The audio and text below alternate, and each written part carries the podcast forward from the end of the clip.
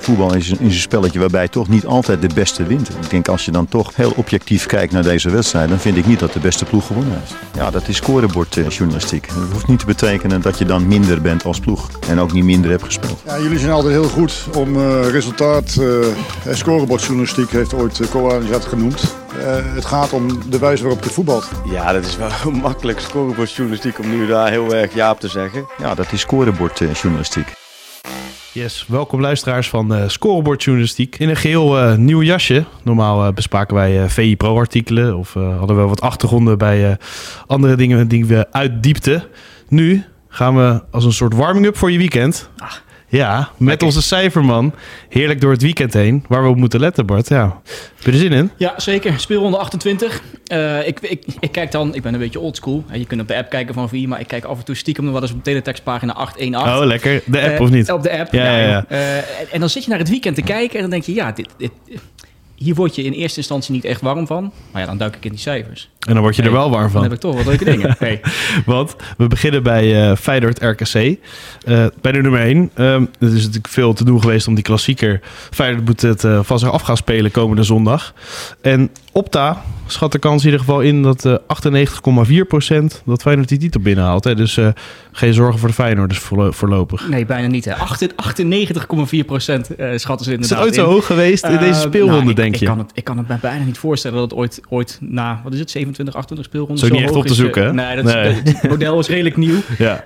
Maar de kans is heel groot inderdaad dat Feyenoord de titel gaat, gaat pakken. En ja, dit, dit, kan bijna niet meer fout gaan. Zeker als je weet dat ze in ieder geval aankomend weekend uh, weinig punten gaan laten liggen tegen RKC. Want RKC heeft last van de Millennium Bug. Ja, en deze eeuw hebben ze nog nooit gewonnen bij Feyenoord, toch?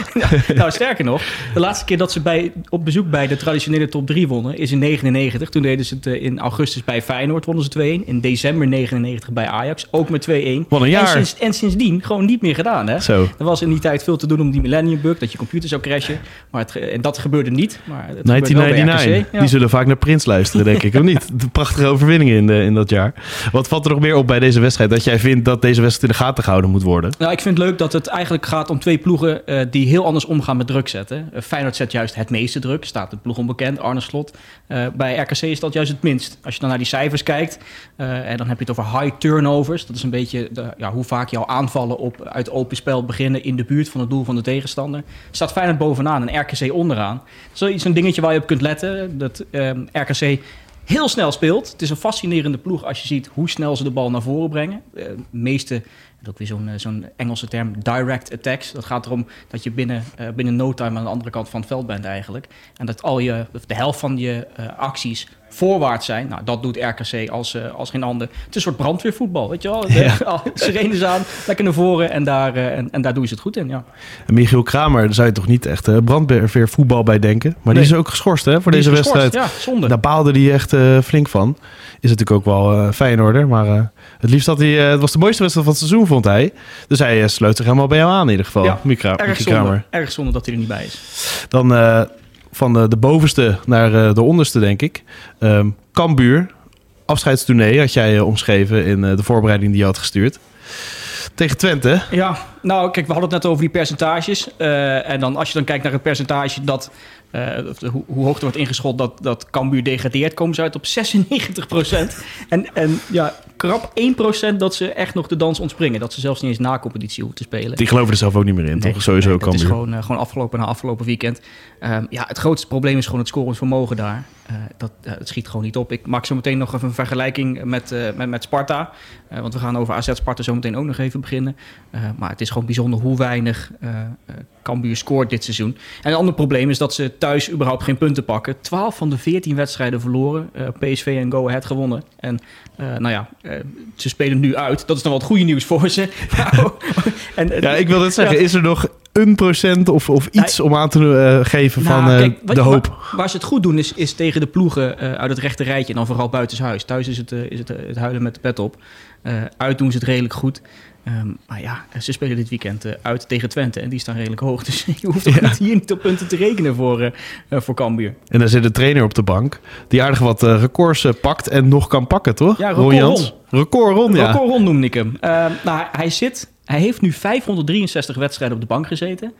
Als hij dit weekend weer op de bank zit, dan gaat hij eh, Barry Hughes voorbij. Dan staat hij alleen op de derde plaats. Er zijn twee trainers die vaker op de bank zaten in de hele historie van de Eredivisie. Dat zijn Han Berger en Bert Jacobs.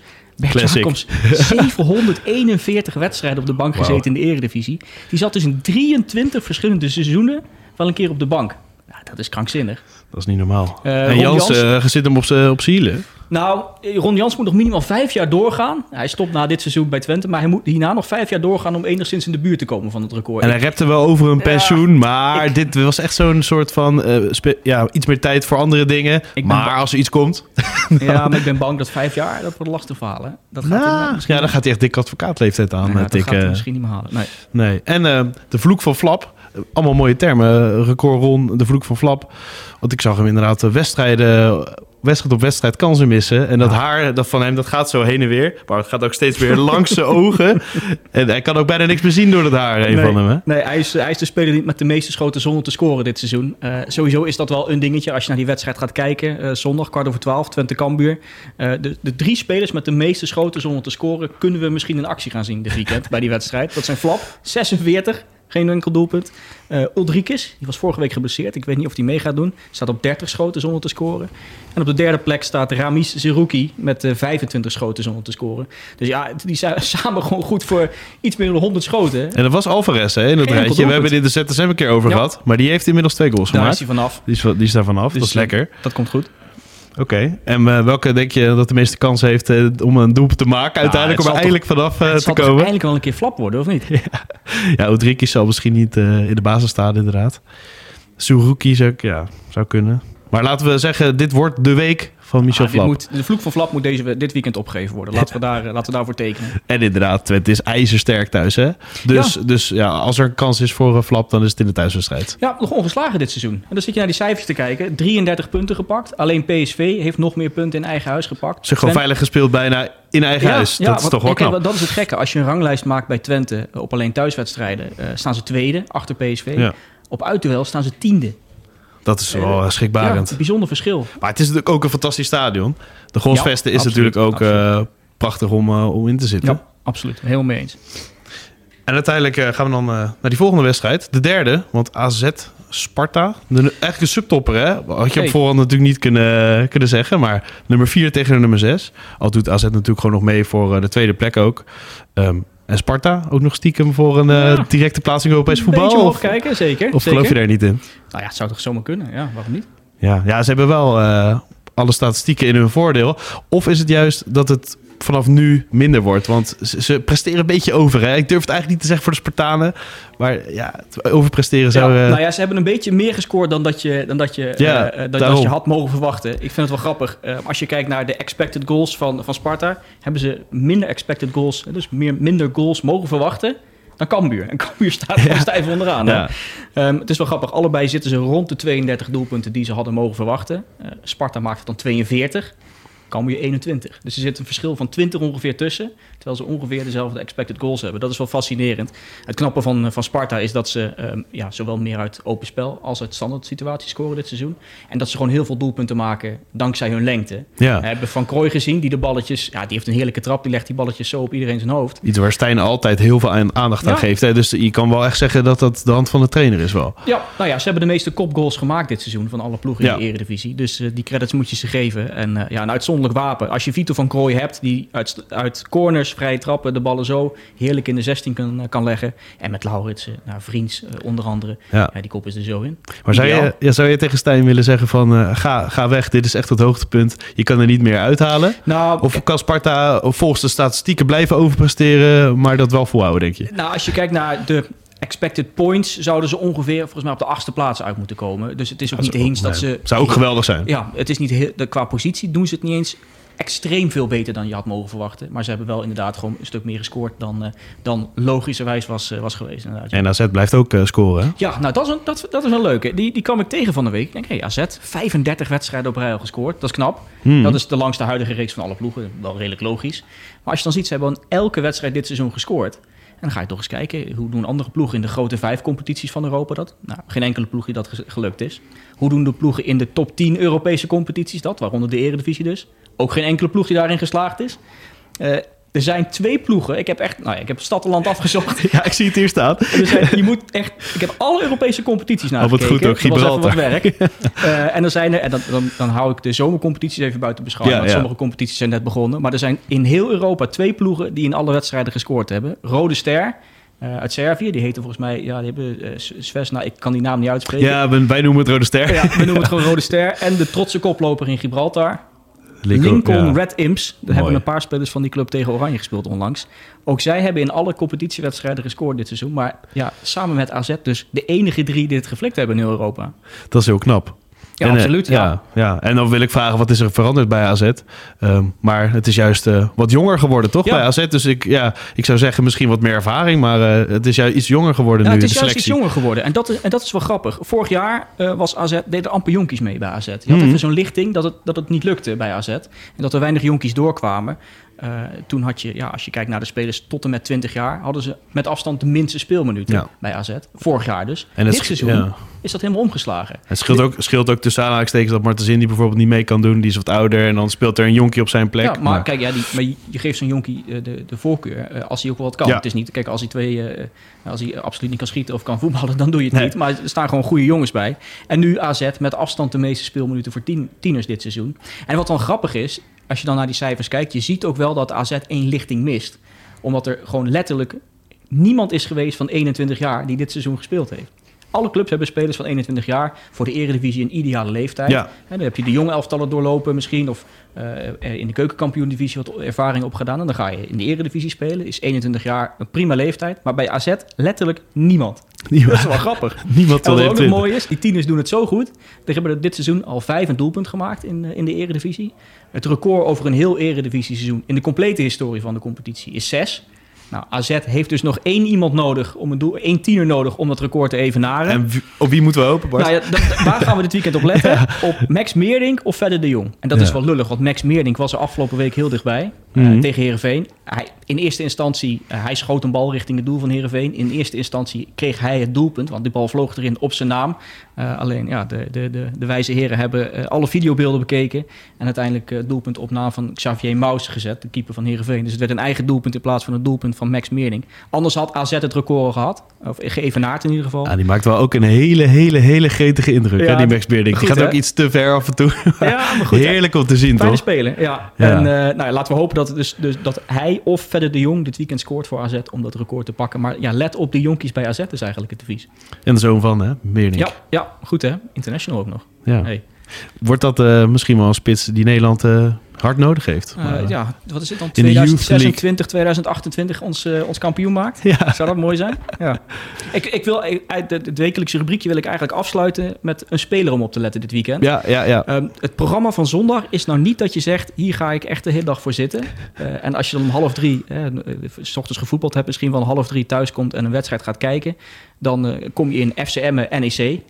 Nou, Nou ja. Als Nijmegenaar vind ik dat een leuk potje. Eh, maar ik kan me voorstellen dat niet iedereen daarvoor gaat zitten. Maar mocht je toch kijken...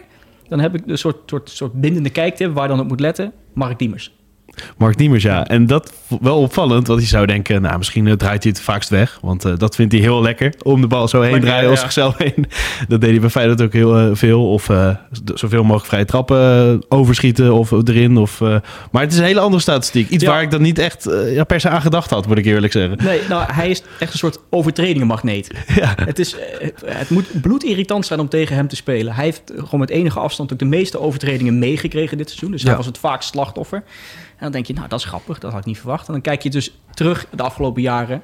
Dan blijkt hij ook gewoon de afgelopen jaren stevast bo- bovenaan te staan. 18, 19 was hij de koploper. 19, Ja. 20. En als je het weet, ga je het ook de terugwerkende kracht zien. Want je ziet het inderdaad heel veel voor je. Ja. Dat, dat hij op de grond ligt en de overtreding. Ja, is- rond, de 16. Het is bijzonder dat, dat, je, dat je één iemand hebt die jarenlang ehm, eh, op, die, op die eerste plaats staat. Het, het gebeurt vaak dat het dribbelaars zijn. Of, of sterke spitsen die dan een beuk krijgen van een verdediger.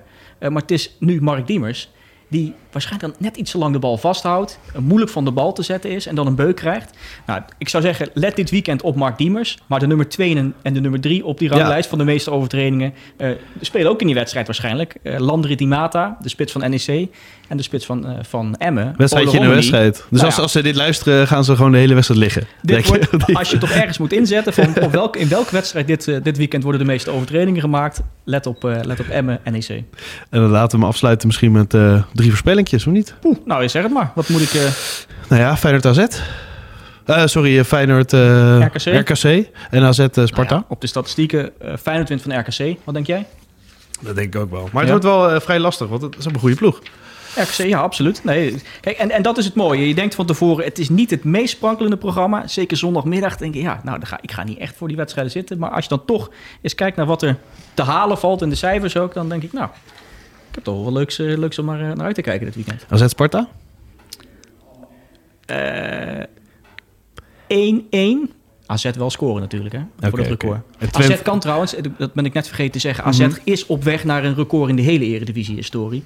Eh, er is nog nooit een ploeg geweest die in een heel seizoen alle wedstrijden gescoord heeft. Eh, PSV kwam dichtbij. Een paar jaar geleden hebben ze de eerste 32, 32, ja, wedstrijden, ja, ja. wedstrijden op rij gescoord. Daarna speelden ze tegen AZ, scoorden ze niet in Alkmaar. Eh, het zou toch leuk zijn als AZ dat record, een unicum, dus in alle wedstrijden scoren, als eerste club ooit eh, kan, eh, kan gaan doen. Ze hebben nog wel Ajax uit volgens mij, PSV thuis. Dus er zijn nogal wat lastige wedstrijden voor, voor AZ. Maar eerst maar eens dit weekend tegen Sparta scoren. Dus Diemers heeft eh, 70 overtredingen tegen. Hè? Dus Ja. Pak het telraampje erbij. En eh, hopelijk, eh, of hopelijk, misschien komt hij wel aan de 80. Ook veel plezier aan te beleven voor iedereen. Ik zie het gewoon voor me een beetje bakje chips, biertje, Overtredingen turven. overtreding turf. Helemaal goed. En dat Twente Cambuur nog. Ja, dat kan maar eh, één ploeg zijn die wint natuurlijk. Als je op die statistiek afgaat, hè? Ja, thuisvoordeel voor Twente. Cambuur niet zo goed. Dus dat is nog een understatement. Dat wordt ja, 2-3-0. En, en een doelpunt van Flap, oké? Gaan we doen. Dan wens ik iedereen een fijn Eredivisie weekend. En weet je waar je op moet letten. Helemaal goed. Thanks Bart. Zit hij erin, dat applaus of niet?